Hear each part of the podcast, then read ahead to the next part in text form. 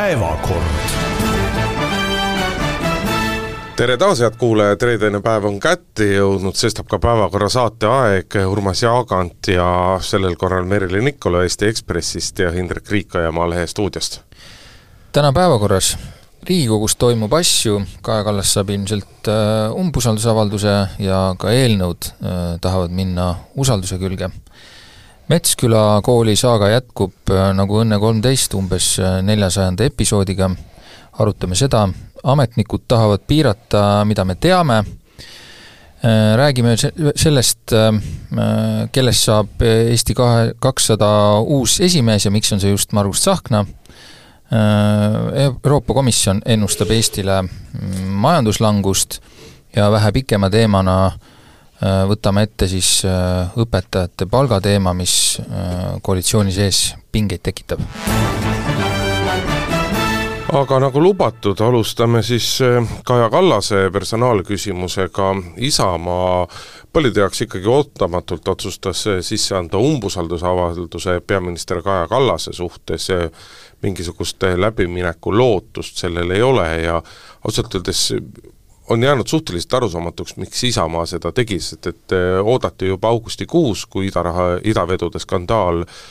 Äh, lahti läks, et seda umbusaldust avaldatakse, aga väga selgelt oli opositsiooni nii-öelda taotlus, et ärme anna seda sisse, see õnnest-, aitab meil seda teemat muidugi pikendada, pikendada, pikendada, sest et kui umbusaldus on ära tehtud, see läbi ei ole läinud, siis kuidagi tundub nagu toberusikatega vehkima hakata, aga nüüd nüüd seda teed Isamaa minna otsustas, Keskerakond ja EKRE ei ole veel päris täielikku üksmeelt leidnud, kas kas liituda või mitte. Urmas, sina oled meie poliitikaspetsialist. palun, analüüs. analüüs, no analüüs on järgmine, et ähm, tõesti jääb, jääb segaseks, miks seda nagu vaja on, ainus äh, selline mõistlik põhjendus tundub olevat lihtsalt see, et äh, Isamaal on nagu hoog sees. et äh, kui, kui Reinsalu, kui me oleme siin vaadanud, on trampinud päris kõvasti Reformierakonna seljas, heitnud igasugu asju ette, ja no võib-olla siis on lihtsalt küsimus, et äh, jah, räägite küll, on aga mis te siis nagu teete, et äh, no siis oli vaja midagi teha.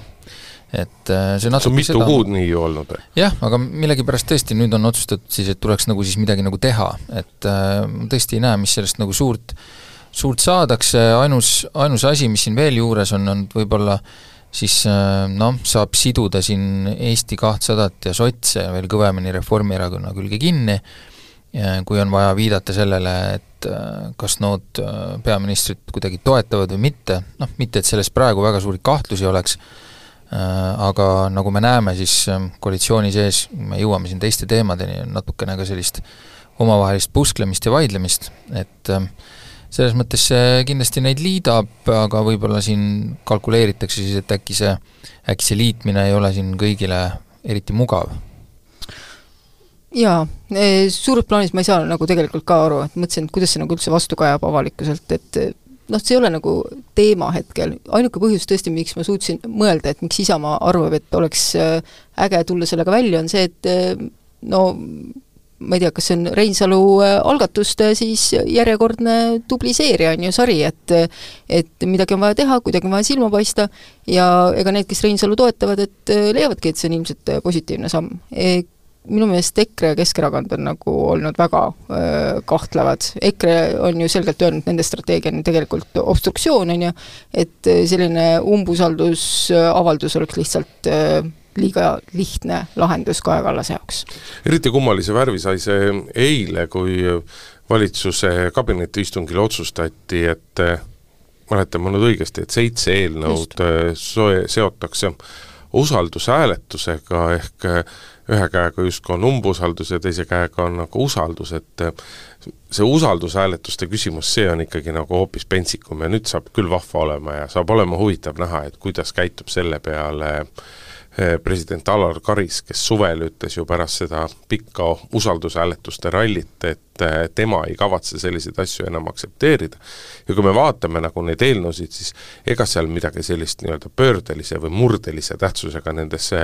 üheski eelnõus ei ole, pigem see tundub selline soojendus riigieelarve usaldushääletusega sidumisele. nojah, no need eelnõud on noh, kas mis, milline sealt rohkem, milline vähem, aga need on seotud äh, riigieelarvega, ehk siis neid on vaja võtta vastu enne, kui seadustatakse riigieelarve ja selles mõttes on nagu tähtsad. et äh, no arvasin minagi, et natuke ikkagi proovitakse neid eelnõusid, äh, mis, mis ei ole riigieelarve, ikkagi mi-, nagu mitte siduda selle usaldusega, et äkki nagu läheb paljuks, aga noh, vaatan, et ikkagi närve ei pea või noh, või mis seal võimalused muidugi ongi pannakse nad ikkagi kokku, no ma eeldaks, et äh, president äh, võib-olla mõne neist saadab tagasi, kas kõik, ma ei tea, aga kindlasti on jah, nüüd on, tekitatakse talle selline olukord, kus kus tekib küsimus, et äh, ütlesid küll, et sõnad olid, aga kas tulevad ka teod. et äh, seda me saame muidugi näha, kas need mingid protsessi siin nüüd vääravad, ei teagi, kas on keeruline vist öelda, et äh, noh, tulevad parlamenti tagasi, võetakse sealt uuesti vastu ja lähevad uuesti, et ähm, noh, ma ei tea, ma, ma millegipärast arvan, et riigieelarve vastuvõtmist äh, president nagu kummuli ajada ei taha, sest et siin ju selles mõttes põhiseaduse vastasust ju ei ole, usaldushääletusega võib siduda. me ei tea ju seda, kas on, kas on nendes eelnõudes mingit põhiseaduse vastasust või, või mitte, et tegelikult seal venitamise võimalust selles mõttes on, et president saadab tagasi, põhjendab,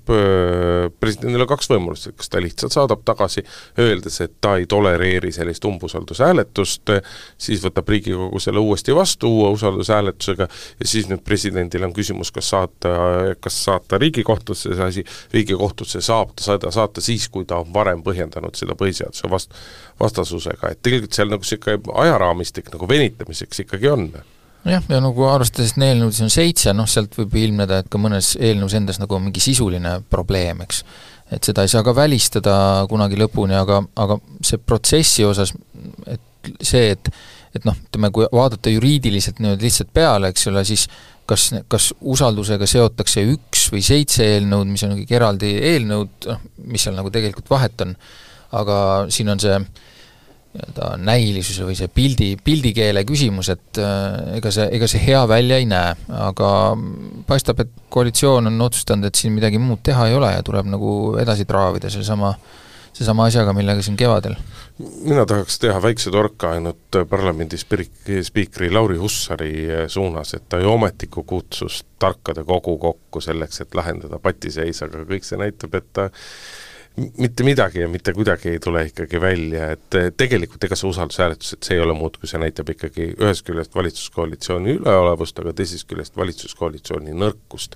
ja igasugust soovimatust mingisugust kompromissi otsida ei no mitte ainult valitsus, küsimus ei ole ainult valitsuskoalitsioonis, on ju, opositsiooni soovib mitte mingisugust äh, lahendust leida, et see ei ole üldse nende eesmärk. ei vaat see, ma ei ole sinuga selles mõttes nõus, et me vara, vara tõttame ja vara väidame, sellepärast et selle jaoks, et opositsioon saaks mingisugust äh, seisukohta avaldada ja ja näidata, et nad ei taha mingit kompromissi saada, selle jaoks peaks kõigepealt koalitsiooni poolt tulema mingisugune kompromissi ettepanek, aga ühtegi kas, kompromissi ettepanekut kas sul on tundunud, et opositsioon on öelnud, et jaa, et kui te teete nii, et vot siis äh, saame ikkagi mõistlikult nagu arutada? aga on ju öelnud EKRE on ju öeldud, et nemad tahavad, et Kaja Kallas astuks tagasi, et pärast seda on okay, võimalik, Keskerakond on täpselt sedasama öelnud, aga, aga ma ikkagi tulen selle järgi, et mingisugust kompromissi ettepanekut koalitsioon ei ole pakkunud, koalitsioon on pakkunud kompromissina seda, et et tee, lepime siis kokku, et opositsioon võtab kõik oma eelnõud ja arupärimised tagasi. no kuule, ikka nii, see päris nii lihtne ei ole, selles mõttes, et äh, kus kohas on et, koalitsiooni kompromissi aga, pakkumine? räägi mulle, mis kompromissi on meil vaja otsida, näiteks ma võtsin selle nimekirja nendest eelnõudest nüüd ette, liiklusseaduse ja autoveoseaduse muutmise seaduse eelnõuga, mis, mis probleem meil seal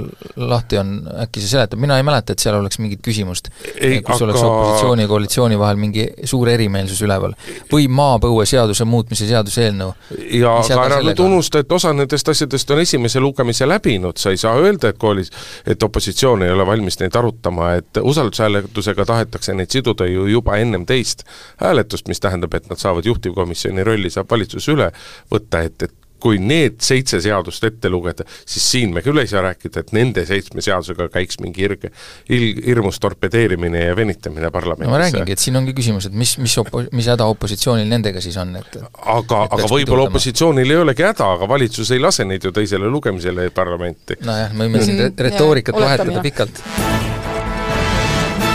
nii, aga jätkame Metsküla kooli teemaga, mis on võib-olla siis selle aasta üks tuntumaid või kõige tuntum kool Eestis, et sel nädalal oli siis järgmine järgmine põhjus, miks sellest rääkida, nimelt president Alar Karis käis nädala alguses Metsküla koolis,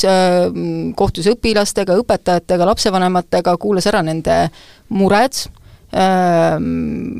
mõistis neid, läks äh, tagasi Tallinnasse, kohtus järgmisel päeval, äh, oli vist järgmisel päeval, ka Lääneranna valla kooli si-, vallajuhtidega. ma küsin vahele, kas sina said aru, miks ta, miks ta Metsküla kooli personali ja lapsevanematega kohtus Metskülas, aga miks ta vallajuhid pidi Tallinnasse kutsuma, et miks ta aru. nendega seal ei võinud kokku saada? Oota, täpselt ei mäleta, äkki, äkki kusagil vallajuhid ütlesid, et neil on liiga kiire. et neil ei ole sel päeval aega nagu mahti kutsuda. ja et see natukene nagu äh, mõjus sellele, sellele halloo, kas Lääneranna vannavalitsus, meil president on teie juurde tulemas, kas teil on mahti temaga kohtuda? ei, kahjuks meil küll ei ole, meil siin on taliteede hoolduse teemad no, parasjagu päevakorral. etenduse voor või no räägitakse ju, et uued audioformaadid, eks ole. Okei okay,, äh, huvitav. et äh, igatahes, et äh, kohtumised toimusid ära ja mm, tulemus on see, et, äh, et püütakse, ma saan aru, istuda, kõik osapooled peavad omavahel kokku istuda ja rääkida eh, uuesti, et eh, ütleme, et mul olid natukene selle presidendi visiidiga kahetsed tunded, et ühelt poolt, et eh, ma nagu mõtlesin, et kas seda on nagu vaja, et president läheb sinna kohale, et las omavalitsus ja lapsevanemad tegelevad ise selle teemaga, on ju, et Eh, ministeerium on ka sinna kaasa aidanud, eh, mõtlesin ka, et kas nüüd president võiks tulla välja sõnumiga, et jah, et kuna ta just läks sinna kooli ja omavalitsusjuhtidega alguses ei kohtunud, siis mõtlesin, kas ta tuleb välja sõnumiga, et äh, nii, et omavalitsus peab ennast nüüd kokku võtma, et, et siin tuleb ikkagi noh, et nende poolt on nagu midagi jäetud nagu tegemata. õnneks ei, presidendi seisukohad olid äh, isegi nagu neutraalsed. et, äh, et pigem oli ikkagi see tüüpiline viga, mis siin Eestis on igal pool öeldakse, et kommunikatsiooniprobleem on olnud. et äh, rohkem tuleb omavahel suhelda, on ju, et, et lahendus ja ja soovitus oli see, minu meelest tegelikult on ma ütlen, et see oli nagu maksimum, president tõmbas teemale tähelepanu, et äh, osapooled lubasid, et nad proovivad sellest patiseisust välja tulla, sest tegelikult see, kuhu see Lääneranna valla äh, koolireformi teema jõudnud, on tegelikult absurd ju. see, mis seal toimub, on äh, tegelikult ju absurd. et äh, lapsed käivad koolis, siis neid tõstetakse Lihula kooli, sinna ei tohi tõsta, keegi täpselt ei tea, kas on seadust rikutud, ei ole rikutud, on ju, et äh, seal on tehtud minu meelest nagu erinevad osapooled on teinud aasta jooksul äh, päris palju vigu. ja siis, ja siis kokkuvõttes tulemus on see, et need õpilased võivad jääda veel ka klassi kordama, olles, olles pingutanud Just. ja õppinud täpselt nii, nagu teised lapsed igal pool mujal. aga ma ütlen, et minu meelest on olnud ka kommunikatsioon äh, lastevanemate poole ikkagi kaldu, et tegelikult, aga, aga ma ei ütle ka, et see on nagu ma ei tea, meedias ju tegelikult ju vallajuhid, omavalitsusjuhid võtsid alguses seisukoha, et nad ei räägi ja nad tulid rääkima alles kuid hiljem tegelikult detailidena, et kuidas nemad nagu asja näevad. ja mis tähendabki seda, et noh, avalikkuse ees on pigem olnud Äh, murelikud lapsevanemad, äh, väga mures lapsed, mis on kujundanud võib-olla sellest teemast äh, minu meelest mitte nii tasakaaluka. ei no kui süüdlasi ots-, kui süüdlasi otsida, siis ilmselgelt on kõige rohkem puusse ikkagi kohalikud vallajuhid pandud, et see on ajakirjanduses on kirjutatud mitmestki teisest vallast, kus on sarnased reformid tehtud, aga aga inimestega on räägitud, loomulikult kõigile see ei meeldi, aga need reformid on suudetud läbi viia, aga aga Lääneranna vallas nii-öelda mindi mütsiga lööma ja ja noh, ma ei taha öelda, nagu et päris üür... nõus sinuga, et mindi mütsiga lööma. luba ma nüüd lõpetan, et, äh, et et, et ilmselgelt nii-öelda alahinnati seda resonantsi, mis tekib, et äh, loomulikult see on nii-öelda lõputu teema, et kas sellised külad, äh, koolid nagu Metsküla koolid, kas nad tegelikult, neil on jätkusuutlikkust, aga, aga küsimus ikkagi, kuidas suhtuda, kuidas läheneda, aga presidendi kohta ma siiski tahaks öelda, et president ju ikkagi väga selgelt valis poole, et selle käitumisega, et ta läheb koha peale ja selle koha peal ühtedega kohtub ja teised kutsub enda juurde Tallinnasse, eh, sellega ta on tegelikult ju oma suhtumise on ta ära näidanud, jah, ta sõnades seda niimoodi ei väljenda, aga noh, president kui sümboolne isik, ametikoht, siis sellise žestiga ta ikkagi nii-öelda tegelikult ta valib poole. nojah, mul on ka nagu kahetised tunded just nimelt selle poole pealt, et ähm, muidugi presidendi selline mm, visiit tõmbab nagu tähelepanu, mul, mul lihtsalt on küsimus, et kas sellest oli selle juhtumi puhul nagu puudu kuidagi, et äh, vist väga tegelikult ei olnud. Mm,, ja aga teiselt poolt jälle tõesti, et, et noh, võib-olla sellised äh, olukorrad ongi sellised, kus president nagu peaks kuidagi käima või midagi, proovima kuidagi seda asja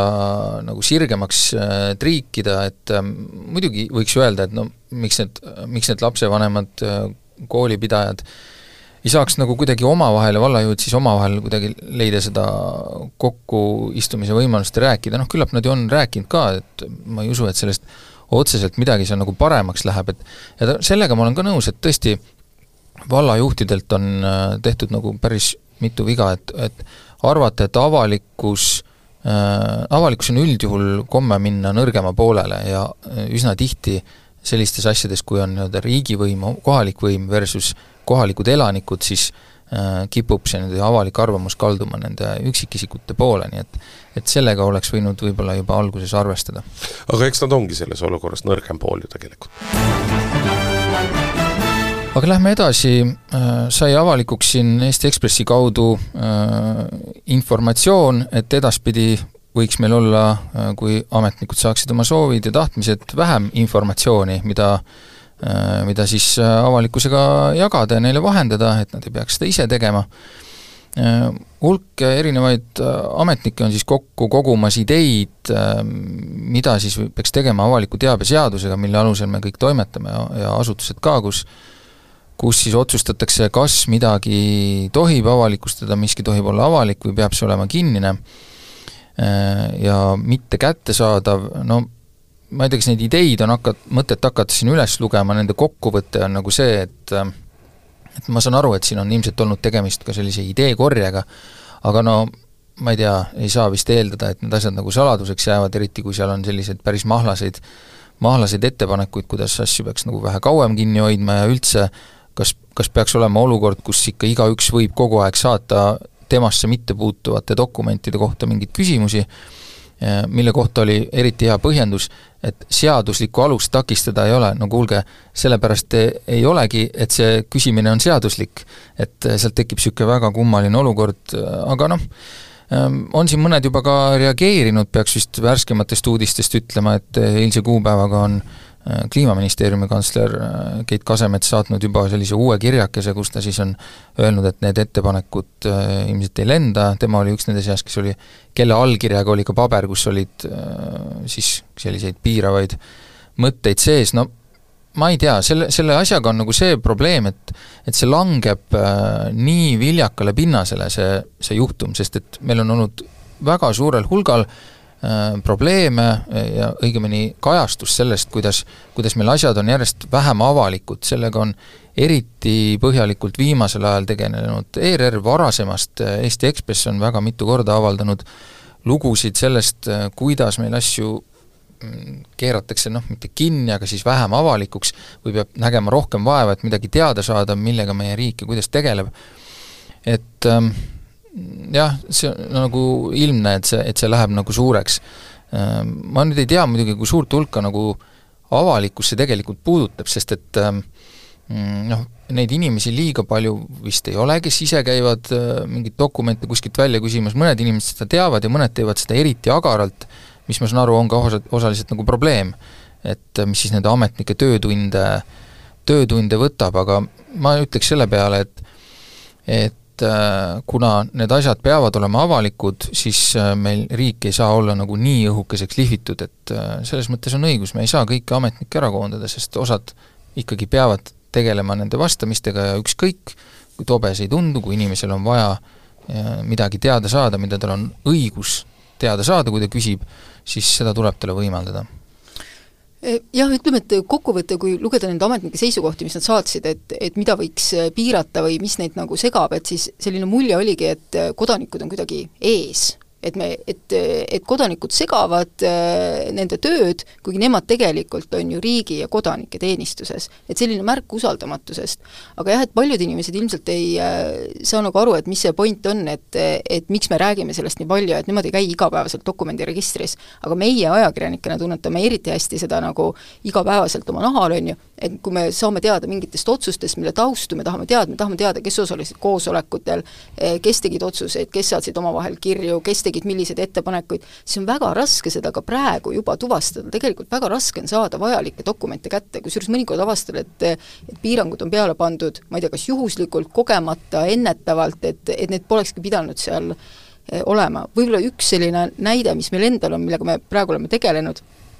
et jälle, et ma ma ei saa nagu aru, et üks näide sellest, kuidas keeratakse andmeid eh, kinni, et me kirjutasime ju Repinski kütuse mm, kasutamisest, me tegime hästi põhjaliku analüüsi, me saime kätte andmed täpselt tankla asukohtadega, me saime täpselt vaadata, et eh, mis on kellaajad, kus, kas on realistlik jõuda siia-sinna kohale, ja nüüd, kui tuli järgmine kaasus Kalle Grünthali kohta, siis selgus, et vahepeal on muutunud see, et neid tanklakohti enam ei avalikustata et äh, põhjus on see, et see tungib äh, Riigikogu liikmete siis ma ei tea, isiklikku sfääri või et, et liiga palju nagu teaksid tema käitumise kohta. aga vabandust väga, aga me tuvastame ju seda ja vaatame seda, kuidas nad kasutavad maksumaksja raha. see, mida me oleme nende kätte usaldanud, et me ei küsi ju mingisuguseid eraelulisi andmeid, et jah, et see, et selles suhtes kõik paistab nagu, ja, ja neid kraane on püütud vähemalt aastas korra me kirjutame sellest, et keegi keerab kusagil äh, kraane kinni, et tuleb otsida teisi lahendusi, ma saan aru, et see on töö, et et lihtsam on, ma ei tea, terve dokument salastada, mitte teatud read, on ju, ma saan aru, et see on töö, aga see on vajalik lihtsalt. näide ei olnud sul väga hea, aga, aga olemuslikult küll, noh, me leiame sealt ju, me leiame sealt ju ka näiteks selle, et kui riik peab kohtus näiteks mingit haldusvaidlust, siis selle äh, Äh, info ja materjalid ei tohiks ennem äh, avalikuks tulla, kui on süüdimõistev kohtuotsus ja veel minu jaoks on sellel kõigil siiski nagu üks nimetaja, sa ütlesid väga ilusasti, et äh, staažikatele siin on toodud peamiselt nelja erinevate ministeeriumide kantslerit, asekantslerit välja, eks ole, kõik nad on staažikad riigiametnikud kümneid aastaid erinevates riigiorganisatsioonides töötanud, mõni neist on vahepeal küll ka käinud eh, nii-öelda Euroopa struktuurides, aga sisuliselt on seesama. aga see on see, see on see omas maailmas ja omas mullis elamine, kus äh, alati mitte ainult ajakirjanikud, vaid tegelikult on ka väga palju kodanikke, kes, eh, kes tutkivad nendes äh, andmebaasides, kes esitavad küsimusi, saadavad küsimusi, sellega tutvub, et kes riigiasutuses on töötanud, see teab, et tegelikult ka kodanikud on väga usinad kirjutama, sa neile kõigile pead vastama. aga see ongi, hääd inimesed, see ongi riigi ülesanne, riik peabki olema avatud ja riik peab leppima sellega, et on ka sellised ebamugavad asjad, mida tuleb teha ja ei saa lihtsalt kõiki kraane kinni keerata, sest et praegu natukene homme veel natukene, ülehomme veel natukene ja siis me olemegi mõne aasta pärast olukorras, kus riik teeb või riigiametnik teeb, mida ta tahab, mingisugust kontrolli tema tegevuse üle korralikult ei ole ja ja, ja nii ongi, aga me ei taha ju keegi sellist no mina asja. nii paranoiline selles mõttes ei ole, et mina lugesin küll nendest ettepanekutest välja pigem nagu seda, et ma arvan, et sealt päris paljudel äh, ka nendel kantsleritel, ühes mitmetel nendest kantsleritest oleks noh, kuidas ma ütlen, suhteliselt ükskõik, kas neid äh, pabereid äh, avalikustatakse või mitte, kui see ei paneks nende alluvuses töötavate inimesi kinni tegelema nende päringutega. et mina lugesin sealt tegelikult välja veidikene ka seda, et lihtsalt neil ei ole inimesi ja nad peavad prioriteer-, prioritiseerima mingisuguseid ülesandeid ja ainus asi, mis nad, mis nad seal parasjagu teha, pakkuda saavad, on see, et ärme siis neid asju, püüaks nagu teha neid asju kuidagi natukene vähem igas riigiasutuses on seda ressurssi piisavalt, need inimesed on lihtsalt nii pikalt töötanud riigisektoris, mõni on võib-olla erasektoris töötanud, aga seda nii ammu, et nad ei mäleta enam, kuidas erasektoris no mis sa selle era, mis mõttes seda erasektorit tood, seal on meil, seal on, seal ei saa midagi teada ju, ega sealt ei tule ma nagu pidasin, ma ei pidanud mitte seda silmas, mida sa teada saad, ma pidasin Indrek silmas töökoormist. ei tööta, aga tegelikult mitte ma... ei tööta, vaid neil on, vaid igas ministeeriumis leidub piisavalt ressurssi, et selliste asjadega tegeleda, et need inimesed on olemas ja, ja see võimekus on nagu täiesti olemas. Aga läheme edasi Eesti kahesaja eh, teemadega, nimelt eh, eelmine nädal siin arutasime, rääkisime, et kellest küll saab eh, Eesti kahesaja uus esimees kes pakkus Margus Tsahknat, kes huvi lihtsalt nii-öelda pinge mõttes ka Kristina Kallast, aga see konsensus või pigem enamus eh, meil eelmisel nädalal toetas Tsahknat ja pühapäeval saigi selgeks, et eh, Tsahknast saab eh, noh, sisuliselt ainus kandidaat, et on küll Arko Okk, ka ennast üles seadnud ja pehmelt öeldes pentsikut, kohati pentsikute avaldustega esitanud. ta ei esinda Eesti kahesaja programmilisi seisukohti. jah, see oli ka muidugi omaette nähtus, oli see pressiteade, mis selle kohta äh, välja saadeti, aga kuidas siis on, kas on niimoodi, et äh, peremees ehk tegelik äh, nii-öelda Eesti kahesaja senine hall kardinal, erakonna ülesehitaja, erakonna näo ja poliitika kujundaja, nüüd siis lõpuks tuleb kapist välja ja asub äh,, asub troonile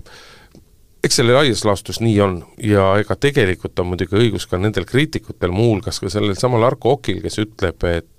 et eraesimees üritatakse panna nagu suhteliselt väikses ringis,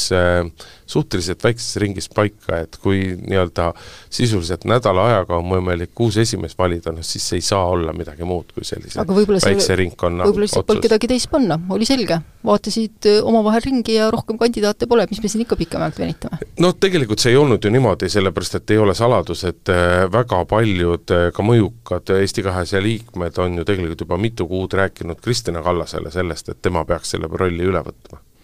aga ta ei soovinud seda. noh jah, siin me jõuame nagu selle juurde, et ühtpidi ei sobi, teistpidi ei sobi, et kui meil tehakse vahepeal siin, mõned erakonnad on teinud ka meil niisugust show'd, kus on nagu justkui kaks päris tõsiseltvõetavat kandidaati ja siis ilmub kuskilt mingi kolmas ja käib mingi hull nagu sisemine madin ja võitlus on ja kuigi tegelikult võib-olla on ka kuskil väiksemas ringis otsustatud, no seda asja tavaliselt nagu päris niimoodi laokile ju ei jäeta, eks ole, et kõik teevad oma kampaaniaid, kõik otsivad erakonna seest toetajaid, ja lõpuks on ikkagi ju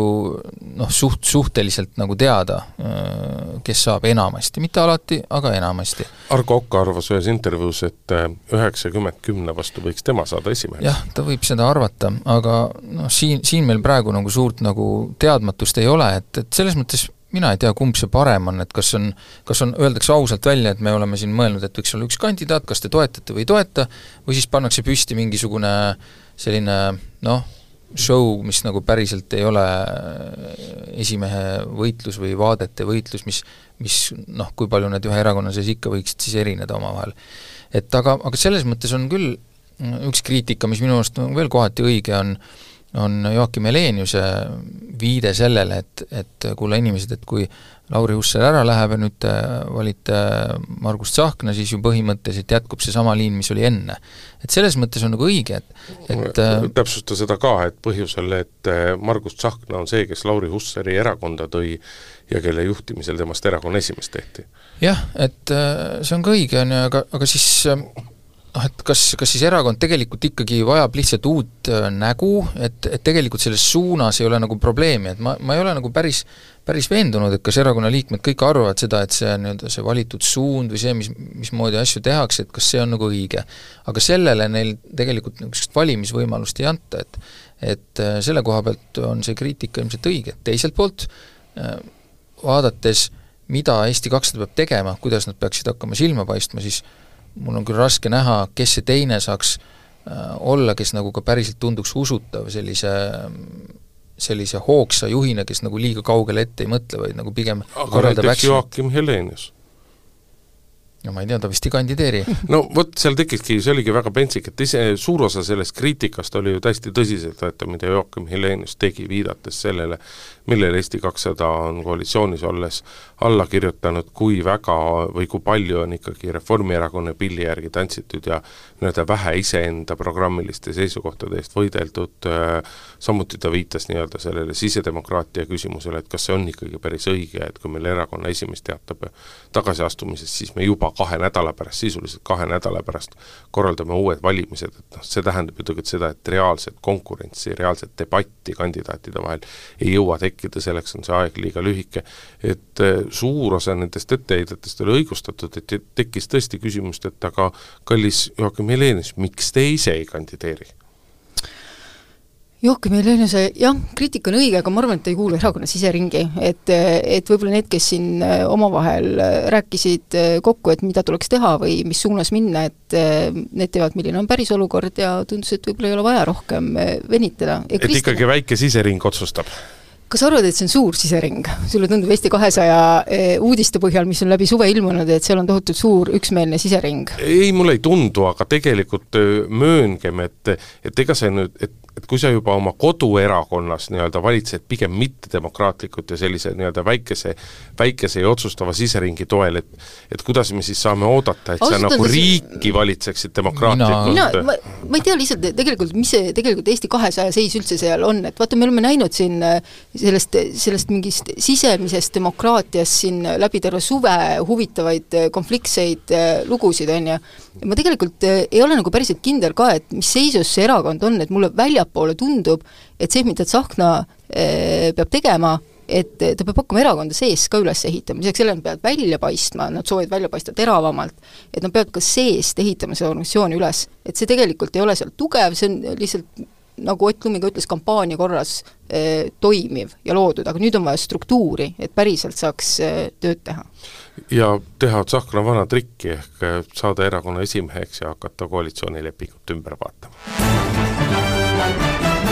nii, räägime natukene majandusest. et äh, sel nädalal tuli siis ka teada, et Euroopa Komisjon ennustab Eesti majanduslanguseks kaks koma kuus protsenti, mis teeks meist äh, suurima langusega riigi Euroopa Liidus. et äh, järgmiseks aastaks leiab komisjon juba, et Eesti majandus peaks üks koma üheksa protsenti kasvama. et mis siis sel aastal, kus see langus tulnud on, komisjoni hinnangul, on eelkõige siis eratarbimise nõrkus, meil on vähem investeeringuid ja muidugi ka meie siis kaubanduspartnerid on jäänud äh, kehva olukorda. et äh, mis on eraldi veel teema, on muidugi tööjõuturg, millest ka nagu äh, hoiatatakse või räägitakse, et tegelikult tööjõuturul läheb olukord kehvemaks, töötus on kasvamas, ka sel nädalal on tulnud sellised teated, töötuse määr oli, kui ma nüüd õigesti mäletan, seitse koma kolm protsenti, see ei ole noh, katastroofiline olukord, aga, aga siiski äh, märgiline. ma, ma ei oska öelda, mul muidugi, et et kas see kõik on ka tohutult ootamatu, sest me tegelikult oleme majanduslangusest äh, rääkinud juba siin äh, mõnda aega ja tegelikult neid töötuse numbreid ka vaadanud, et see peaks olema üks see, mis, mis äh, peaks ka mingi hetk äh, kätte jõudma. et äh, kas, kas meil on, kuigi me oleme ma ei tea, Euroopa Liidu kõige suurema langusega, majanduslanguse riik, siis tegelikult äh, pangandusjuhid või majanduseksperdid, et nad ei kipu ka ütlema tegelikult, et meie olukord oleks katastroofiline, et ma ei tahaks ka, et see jääks äh, kõlama, et äh, pigem on murelik. no ega pangad, pangandussektoril või panga, pangajuhtidel ongi väga keeruline midagi öelda, vaadates kui hästi tänu Euribori tõusule eh, nende endi käsi käib ja, ja neist täiesti tegelikult sisuliselt hästi nagu sõltumatul, sõltumatutel põhjustel lihtsalt raha voolab ettevõttesse sisse, ole no neil võib korja... hakata ka halvemaks minema, kui inimesed kaotavad siin töö ja ei, seda muidugi, aga ole ainult mees ja, mees ja korja kokku, aga üks asi, mida nagu komisjonis ja mida ka nii-öelda rahvusvahelistes kajastustes välja toodi, oli muidugi Eesti puhul ka see, et, et et mida ja kui palju või õigupoolest kui vähe on teinud Eesti riik selle jaoks, et seda majandust kuidagi turgutada, et kui meil siin ümberkaudsedki riigid nagu Läti, Soome, Leedu ja nii edasi, kõik näevad vaeva selle nimel, noh, ärme räägi Saksamaast või või Prantsusmaalt, siis Eestis on on tehtud ikkagi nagu minimaalselt ja ja see on küll ikkagi praegu puhas nii-öelda siin peab valitsus enda otsa vaatama, et miks me oleme, mitte sellepärast, et miks meil majanduslangus on, vaid see, et miks meil on Euroopa Liidu kõige kõrgem majanduslangus. no võib-olla mitte ainult see valitsus, vaid ka paar eelmist, et et tõesti noh, meil ei ole sellist väga head või nagu selget sihti, et väga, väga, võib-olla ongi seda ka raske panna, sellepärast et meil on nii palju erinevaid valdkondi, mis on äh, mis ei ole koondatavad mingi sellise ühise nimetaja alla enam nii lihtsasti kui siin viis-kümme aastat tagasi, et eh, ongi keeruline niisugust ühtset nagu kuidagi eesmärki või sihti sõnastada, aga, aga noh, ma ei tea, eks need numbrid kuidagi natukene eh, selles mõttes näevad veidrad, et praegu kõige suurem, siis järgmisel aastal üks koma üheksa protsenti kasvu, eks niisugune nagu, see paistab niisugune hektiline see asi, et äh, kes teab, milliseks see protsent tegelikult sel aastal kujuneb, rääkimata sellest, mis ta järgmisel aastal on, et kas ta on seal üks koma üheksa või ta on nagu teistpidi, miinus üks koma üheksa hoopiski. et äh, ja me näeme ka paljuski ju valitsust lootmas äh, järgnevatel aastatel sellele, et äkki ikka mingi majanduskasv tuleb ja mingisugused summad, mida oleks vaja kokku koguda, võiksid olla väiksemad opositsioonierakonnad meil ütlevad, et äh, nemad teeksid igasugu asju ja just rahastuse katteks on neil pakkuda majanduskasv, noh, kas tuleb või ei tule, mi-, mismoodi seda tehakse, seda ei oska keegi väga täpselt nagu seletada, et äh, lõpuks on ikkagi jah, investeeringud äh, meie sellise nii-öelda olukorra parandamiseks äh, ikkagi ettevõtlus on see, kus tekib raha ja see olukord nagu ei ole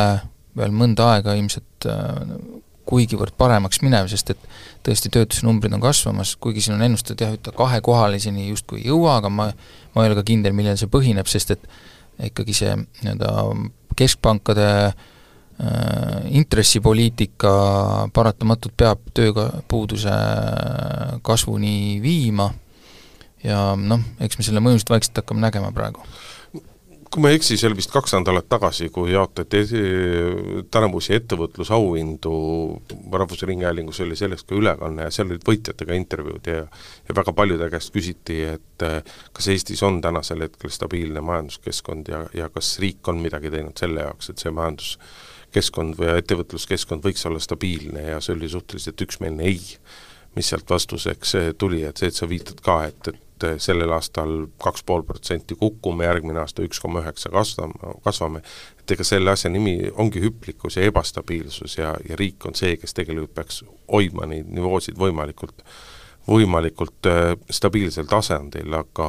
aga mis sa, Indrek, selle all nagu silmas pead, et äh, mõni maksumuudatus on liiga hüplik olnud siin või investeeringuid on liiga vähe või et, et mina ei pea, mina, mina ei, mina ei peagi nii väga ise silmas, et mina siinkohal kuulaksin ettevõtjaid ja mis on ettevõtjate põhilised, e-, põhilised etteheited praegusel hetkel äh, valitsusele ja koalitsioonile, need etteheited on need, et neid mitte lihtsalt ei kuulata, vaid neid ei võeta üldse jutule ja teine etteheide on see, et et valitsuses ei ole äh, tänapäevast majandust tundvaid inimesi, et ka need tugevad spetsialistid, noh nimesid nimetamata, kes kes kümme-kaksteist aastat tagasi poliitikasse tulles olid väga tunnustatud analüütikud ja kõvad spetsialistid, et nad on kõik sellest maailmast kaugele jäänud, et puudub endal teadmine, puudub endal arusaamine ja puudub ka nii-öelda soov, huvi, kuidas iganes seda nimetada, kuulata neid, kellel see teadmine on ja, ja ja selle ka osalt nii-öelda nende nõuannete põhjalt oma samme astuda, et, et lihtsalt ei kuulata ja ei räägita ettevõtlussektoriga ehk siis rohkem toetuseid? Ei, noh, eks see toetus ei ole ju ainu, toetus ei ole ainus asi, kuigi kui sa ümberkaudset riike vaatad, siis ega seal on nii-öelda ka paljudes küsimustes toetatud. aga küsimus ei ole ainult nii-öelda toetamises, aga noh, ka noh, üks lihtne asi ju, kõik ettevõtlusorganisatsioonid, isegi erinevad sotsiaalpartnerid ütlevad, et praegusel hetkel nii-öelda majanduse seisukohast, majandustuleviku seisukohast tuleks maksuküüru tuleks maksuküüru kaotamine ära jätta ja tänu sellele tuleks tulumaksu ja käibemaksu tõusud ära jätta ja sellest oleks majandusele väga suur abi tulevikus. noh, mis kuidas me ikka võib-olla me räägime liiga vähe investeeringutest, et eh, see on nagu oluline, minu meelest räägitakse aga investeeringud ei tule sellepärast, ütlevad jällegi ettevõtjad, et neil ei ole stabiilsust, neil ei ole kindlust, et mis on, eh, milline on maksupilt kahe aasta pärast, viie aasta pärast, investeerida tuleb kahe, viie, kümne aasta perspektiiviga, aga kui nad ei tea, milline see tulevik on ja senine käitumine on näidanud, et see võib olla nii ja võib olla naasugune ja millelegi loota ei maksa, siis ei tulegi investeeringuid. no loodame, et siis jääb asi paika aga läheme ühe natukese pikema teema juurde meie päevakorras ja vaatame siis äh, õpetajate palgaküsimust, mis on äh, kerinud, no ma ütleks isegi kergeks nagu kriisiks ja kus on alanud väljamaa keeles öeldes niisugune blame game, ehk siis kes on süüdi, äh, ühed näitavad ühtedele, teised kolmandatele ja neljandad teistele, kes siis on jätnud midagi tegemata, et selline seis on ja muidugi nõudmised äh, on siin ka vahepeal äh, liikunud ja kasvanud, aga kas nad on üksteisele kuidagi lähemale jõudnud, äh, noh, seda veel lõpuni ei paista, no viimase aja sündmused siis on see, et äh, Reformierakond on läbi siis rahandusminister Mart Võrklaeva leidnud hoopis, et haridusminister Kristina Kallas on justkui süüdi selles, et, et õpetajatel raha ei ole, Võrklaev ilmselt siis on käinud sisse piilumas äh, Haridusministeeriumi ukse vahelt, näinud, et raha on, aga näed, raha vedeleb maas. raha vedeleb maas, aga ei ole tuldud äh, küsima, kas seda võib ära kasutada või umbes niimoodi, kui nüüd piltlikult öelda. Mõte siis see, et Kristina Kallas haridusministrina peaks selle raha leidma enda valdkonna seest, mis on mingi sada viiskümmend miljonit eurot kuskile sinnakanti, mille peale muidugi Kristina Kallas on öelnud, et see ei ole lihtsalt võimalik et ähm, no kui asi jõuab sellise süüdistamise mänguni, siis tavaliselt äh, tähendab see seda, et ei ole mingisugust head lahendust olemas ja saaks selle kellelegi kaela ära suruda, et äh, vähemalt ise nagu ei jääks siin nagu kaotajaks. noh, täna, eile õigemini siis nad istusid äh,, valitsuskabinet seda asja nagu arutas äh,, on veel oodata ka riikliku lepitaja sellist viimast ettepanekut, et mis siis nagu äh, mis nagu tegema hakatakse, kas tuleb streiki, ei tule streiki, aga minu arust kogu see asi mm, natukene näib sellise, selle valitsuse esimese sellise tõsisema kriisi moodi, ma ei ütleks, et see, seda valitsust peaks nagu laiali ajama, sest et noh, kuhu neil ikka minna on põhimõtteliselt, aga mm, siin on päris mitmetel, pean siis silmas väiksemaid erakondi, on siin võimalus ikkagi Reformierakonda proovida panna natukene painduma ühes küsimuseski, vähemalt nende järgi? minu meelest nädala alguses olid need eh, kired olid isegi rohkem üleval, et kui ma neljapäeval vaatasin juba mm, pressikonverentsil neid kommentaare, lugesin uudiseid, et siis olid juba kõigi osapoolte sellised sõnavõtud olid natukene,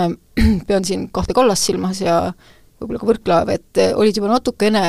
rahulikumad või et eh, ei olnud, see vastus ei olnud kohe kommunikatsioonis, mis nädala alguses oli, ei, põhimõtteliselt, et äh, meil on raha vaja, ei. et või et vaadake ise, kuidas saate, et nädala alguse sellised sõnavõtud olid nagu, läksid ka isiklikuks, et, et seal oli nagu selline teravus sees. aga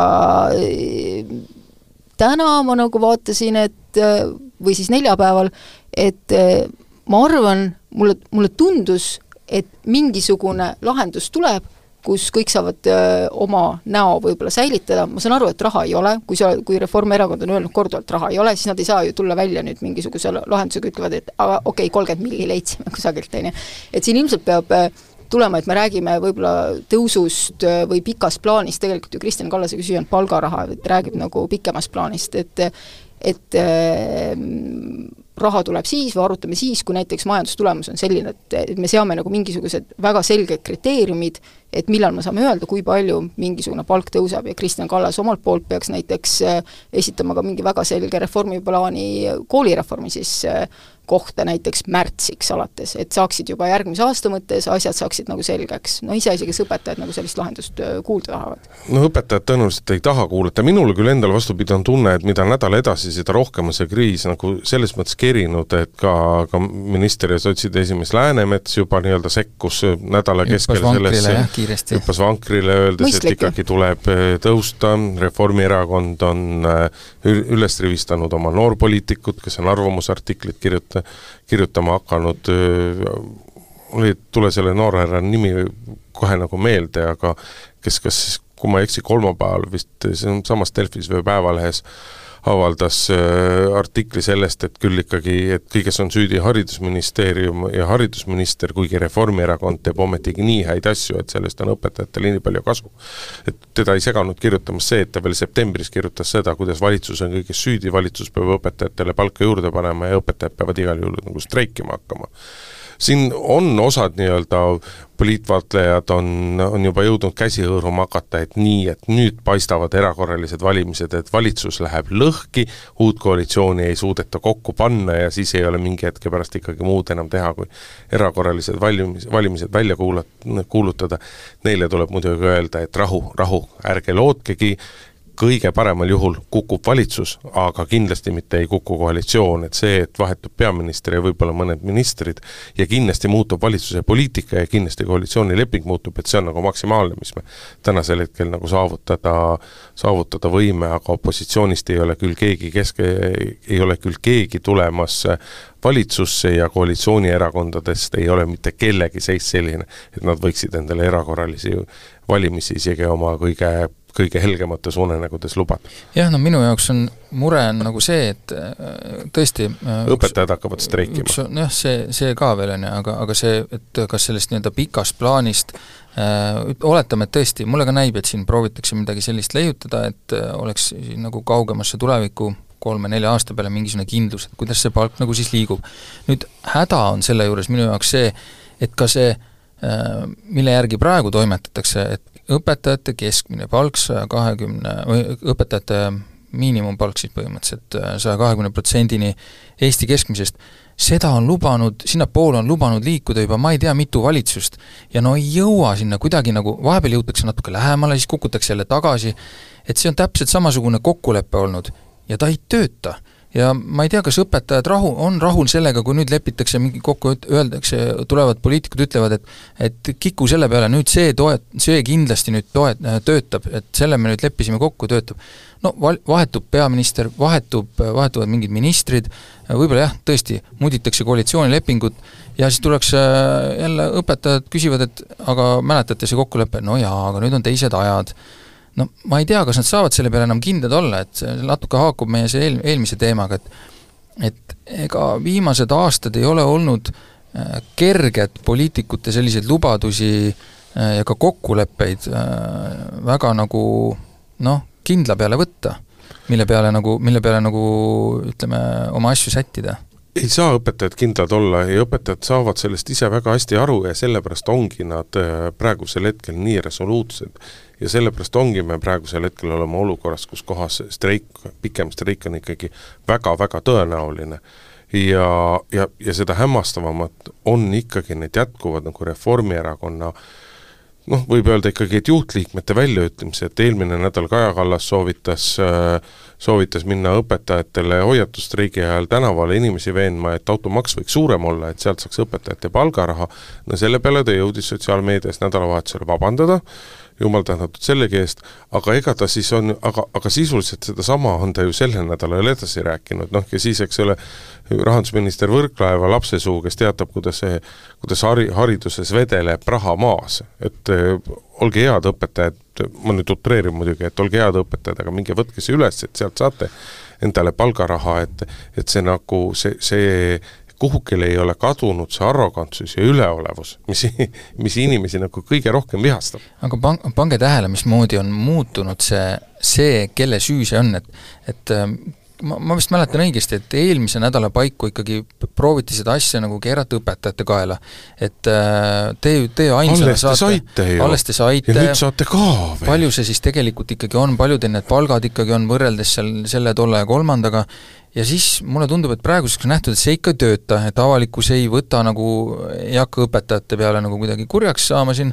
äh, nüüd on siis võetud ette koalitsioonipartnerid, Haridusministeerium kõigepealt on, proovitakse nagu nende kraesse seda veeretada, et et äh, see on selline huvitav, kuidas sellised asjad elavad nagu selliseid etappe läbi, et äh, proovitakse ühe kaela, see nagu ei tööta, siis leitakse nagu mingi teine taktika, et võib-olla, võib-olla võib veel omavalitsused ka mängu tuua. juba on toodud. jah, just, ma tahtsingi öelda, et äh, täna ju tuli ka, või neljapäeval tuli välja ka teade, on ju, et äh, nüüd oleks vaja omavalitsusi tuua ka laua taha, sellepärast et ka omavalitsustest äh, paljuski sõltub see, et kuidas nad on oma koolivõrku kujundanud, kuidas õpetajatele palka makstakse, on ju. et neist võiks rääkida rohkem. no see on rohkem selline Kristina Kallase Kallase poolne samm olnud, et katsuda natukenegi nagu seda vastutust äh, jagada ja noh, väikses mõttes on tal, on tal muidugi õigus ka, eks ole, et kas omavalitsused on valmis ka tegutsema, on valmis seda pal-, neid palku maksma ja ja, ja kõik nii edasi, aga jälle ma tunnen ikkagi seda, et äh, küll need poliitikud peavad olema ka ikka imeinimesed, et et kui mina nagu, et kui mina ütleks nagu ikka nädalate kaupa ütleksin nagu Urmase kohta sitasti, siis ma ei usu, et Urmas minuga pikalt koos saadet teeks. aga valitsus ei ole nagu mingi probleem, võib minna isiklikult, peaminister võib noh, võib irvitada, võib mõnitada mõnda oma nii-öelda oma kabineti ministrit, aga see nagu ei takista jätkamast. No eks see päris nii ei ole ikkagi, niisugused asjad rikuvad suhteid küll ja nende nii-öelda mõju ei pruugi olla kohene, aga, aga see, see võib avalduda ka kuskil mujal, et et pärast mingites teistes asjades on võib-olla keerulisem kokkuleppeid leida. no ma, selle asja kokkuvõtteks ma usun, et siin ikkagi mingi lahendus leitakse ja tõenäoliselt saab olema see selline kuidas ma ütlen siis, mittemateriaalne, ehk siis äh, mingisugune, mingisugune tõesti selline plaan, mille peale siis kõik poliitikud ütlevad ausõna, me nii, niimoodi nüüd läheb, et ärme streigime, siin lubame teile niisugused asjad ette, et äh, ma ei tea. ei, see peab ikka mingil määral materiaalne ka olema, et nagu ma siin paar nädalat tagasi ütlesin, et kui praegu, kui praegu õpetajad lepivad nii-öelda nende nõutust tunduvalt väiksemaga, no näiteks nad on nõudnud palgatõusu järgmiseks aastaks pealt kaheksa protsendi, et kui nüüd ühe koma üheksa asemel tuleb kolm protsenti, näiteks ja õpetajad lepivad sellega, siis tegelikult õpetajad nagu näitavad, et neid ei ole mõtet ja nende ähvardusi ei ole mõtet tulevikus nagu tõsiselt võtta. ei no see saab olla ma ei ole kindel, et et õpetajad on valmis selle, noh, kui tuleks jutt, et ma ei tea, pakutakse viis-kuus protsenti järgmisel aastal ja ja fikseeritud palgatõusud ülejärgmisteks aastateks, aga aga Kaja Kallas teab ju, et ega kuidas, kuidas ta saab sellist, sellist asja allkirja või kinnitada sellele nagu Reformierakonna heakskiidu anda, et sa saad panna sellised protsendid kirja, aga sa paned ka tingimused, mis võib-olla on, kas peavad olema täidetud eh, majanduses ja siis on selgelt teada, et mis alustel saab või ei saa, on ju. nojah, aga vaata, küsimus ongi selles, et kas õpetajad sellega lepivad ja ma ei ole kindel, et õpetajad sellega õpetajad lepivad. on mõistlikud inimesed õpetajad on mõistlikud inimesed laias laastus küll ja enamuses küll, aga, aga, aga selle jaoks, et neid tõsiselt võetakse, nad ei saa väga suuri järeleandmisi praegusel hetkel teha. nii, aga kuna meil, kuna meil äh, täna saates äh, Grete Lehepuud ei ole, siis on meil äh, erakorraliselt eetris ka Urmase eluloterii oleks pidanud selle võib-olla, no okei okay,, las olla Urmase elu ma tutvun sellega, ma ei ole seda enne läbinud, ma ei tea, mis see on. jaa, põhimõtteliselt on siis tegu selline, selline väike formaadike meil siin, kus äh, on kokku kogutud äh, uudiseid laiast maailmast, mis muidu kajastamist ei jõua ja võib-olla ka meie saate muude teem-, muudest aga nad on kusagil kajastatud? Nad on kusagil kajastatud ja selle eesmärk on ikkagi ka meie kuulajatele tutvustada nii-öelda tegelikult olulisi teemasid, mis koguvad üle interneti sadu tuhandeid ja miljoneid klikke. mingid klassiuudised. ja nüüd, äh, kuna see on niisugune viktoriini vormis, siis ma panen äh, seekord täitsa ise, et siin midagi vussi ei läheks, panen meie väikese rattakese käima. aga näita ikka, näita Merilile ka, kuidas sa seda peab? teed, et ta saaks ka nagu Aa. panna. et eh, mis teemad meil tulevad ja on meil esimene teema käes, Ameerikas püstitati kõrvitsa saerutamise maailmarekord, see meil juba eelmine kord see meil eelmine läbi. kord oli, lase, lase veel mm. mingi teema. Teeme siit ühe tiiru veel, sest et eh, sellele me vastuse juba saime, muidugi me seda ei mäleta, aga see põhjustas meil küll kõvasti poleemikat. aga nüüd on meil veerand ette uus teema Iraani mees püstitas rekordi arbuuside üksteise otsa ladumises, no puuviljade aiandusteemad. aiandusteemad meil jätkuvad, jah. Äh, selle lugu on siis järgmine, et oota, aga mis küsimus on? sa pead küsimusega küsimusi. Äh, mitu arbuusi siis äh, inimene üksteise otsa ladus, tegu on siis Iraani ehitusinseneriga, kes siis purustas mingi sellise rekordi, jumal teab, kes neid ja kus neid mõõdab, aga rekordist siis purunes mitu arbuusi üksteise otsa laoti. mina ma ei tea, kuidas neid laoti. jah, ma tahaks ka täpsustava küsimusena kohe küsida, et kas nad laoti nii-öelda ükshaaval üksteise otsa või see tundub suhteliselt uskumatu. püstitati jah, üksteise otsa, et teatavasti, üksteise otsa äh, teatavasti, kes on arbuusi näinud, on tegemist suhteliselt ümarate äh, viljadega äh,, aga neid on võimalik äh, üksteise otsa panna. rekordi tegemiseks muide pandi neid äh, siis vertikaalselt ehk pikkupidi üksteise peale. kui mitu neid siis kokku laoti? Kolmkümmend kuus on minu pakkumine. rekord, maailmarekord või? jah. ma eeldan ma arvan, et see on see võib-olla ei ole kuskil fikseeritud. ma arvan, et see on pigem ikka mingi Guinessi rekord, nemad mõõdavad igasuguseid pentsikaid asju. kolmkümmend kuus, puunajal, mitte millegi najal, jah? jah, üksteise otsa. üksteise otsa lihtsalt. kolmkümmend kuus ütled sina. kakskümmend seitse? Nojah, te ikka pakute väga palju, mõelge ikka korra ka oh,, okay. äh, arbuusid äh, oma nii-öelda pikkupidi üksteise otsa, viis on õige vastus ja, ja kakskümmend seitse arbuusi üksteise peale laduda, no või kolmkümmend ma saan aru, et see on müstiline, aga kui sellest hakata uudist tegema, siis nagu, siis nagu viite küll jah, ei, ei ootaks küll mitte kuidagi. Kuule, aga see on Maalehele hea eksperiment. jah, et äh, võite seda tõesti Maalehes korrata, kui oleks kui, palju parem tõenäoliselt. kui sa peatoimetajana saad kahe, kaks tükki üksteise peale, siis ma arvan, see on juba ka see on uus jõulumäng. jah, just. aga teeme ühe küsimuse veel, ennem kui saade läbi saab. no teeme ühe küsimuse veel, lükkasin ratta juba käima. ja tuleb meile selline teema, et Austraalias päästeti viis aastat kodust kadunud lammas. selline uudis on maailma meedias olnud, üks Austraalia lammas nimega Sugar läks kaduma ja See elas siis uudis. looduses viis aastat, vähemalt viimased pool aastat siis ühes rahvuspargis, kus teda siis viimaks ka nagu märgati ja üles leiti ja kui ta kätte saadi, tuli teda äh, väga suure villahunniku alt välja pügada, kuna keegi ei olnud teda mõistagi viie aasta jooksul püganud mm,. aga küsimus on vähe teist laadi, milliste loomade gängis ta aega veetis? Silmas on siis peetud, kui ta seal, kui ta siis äh, elas seal äh, nii-öelda kolis sinna rahvusparki, kus ta siis lõpuks üles leiti, milliste loomade seltsis ta seal oma äh, aega veetis? Indrek, kas te ei tõlkinud Maalehest seda lugu või?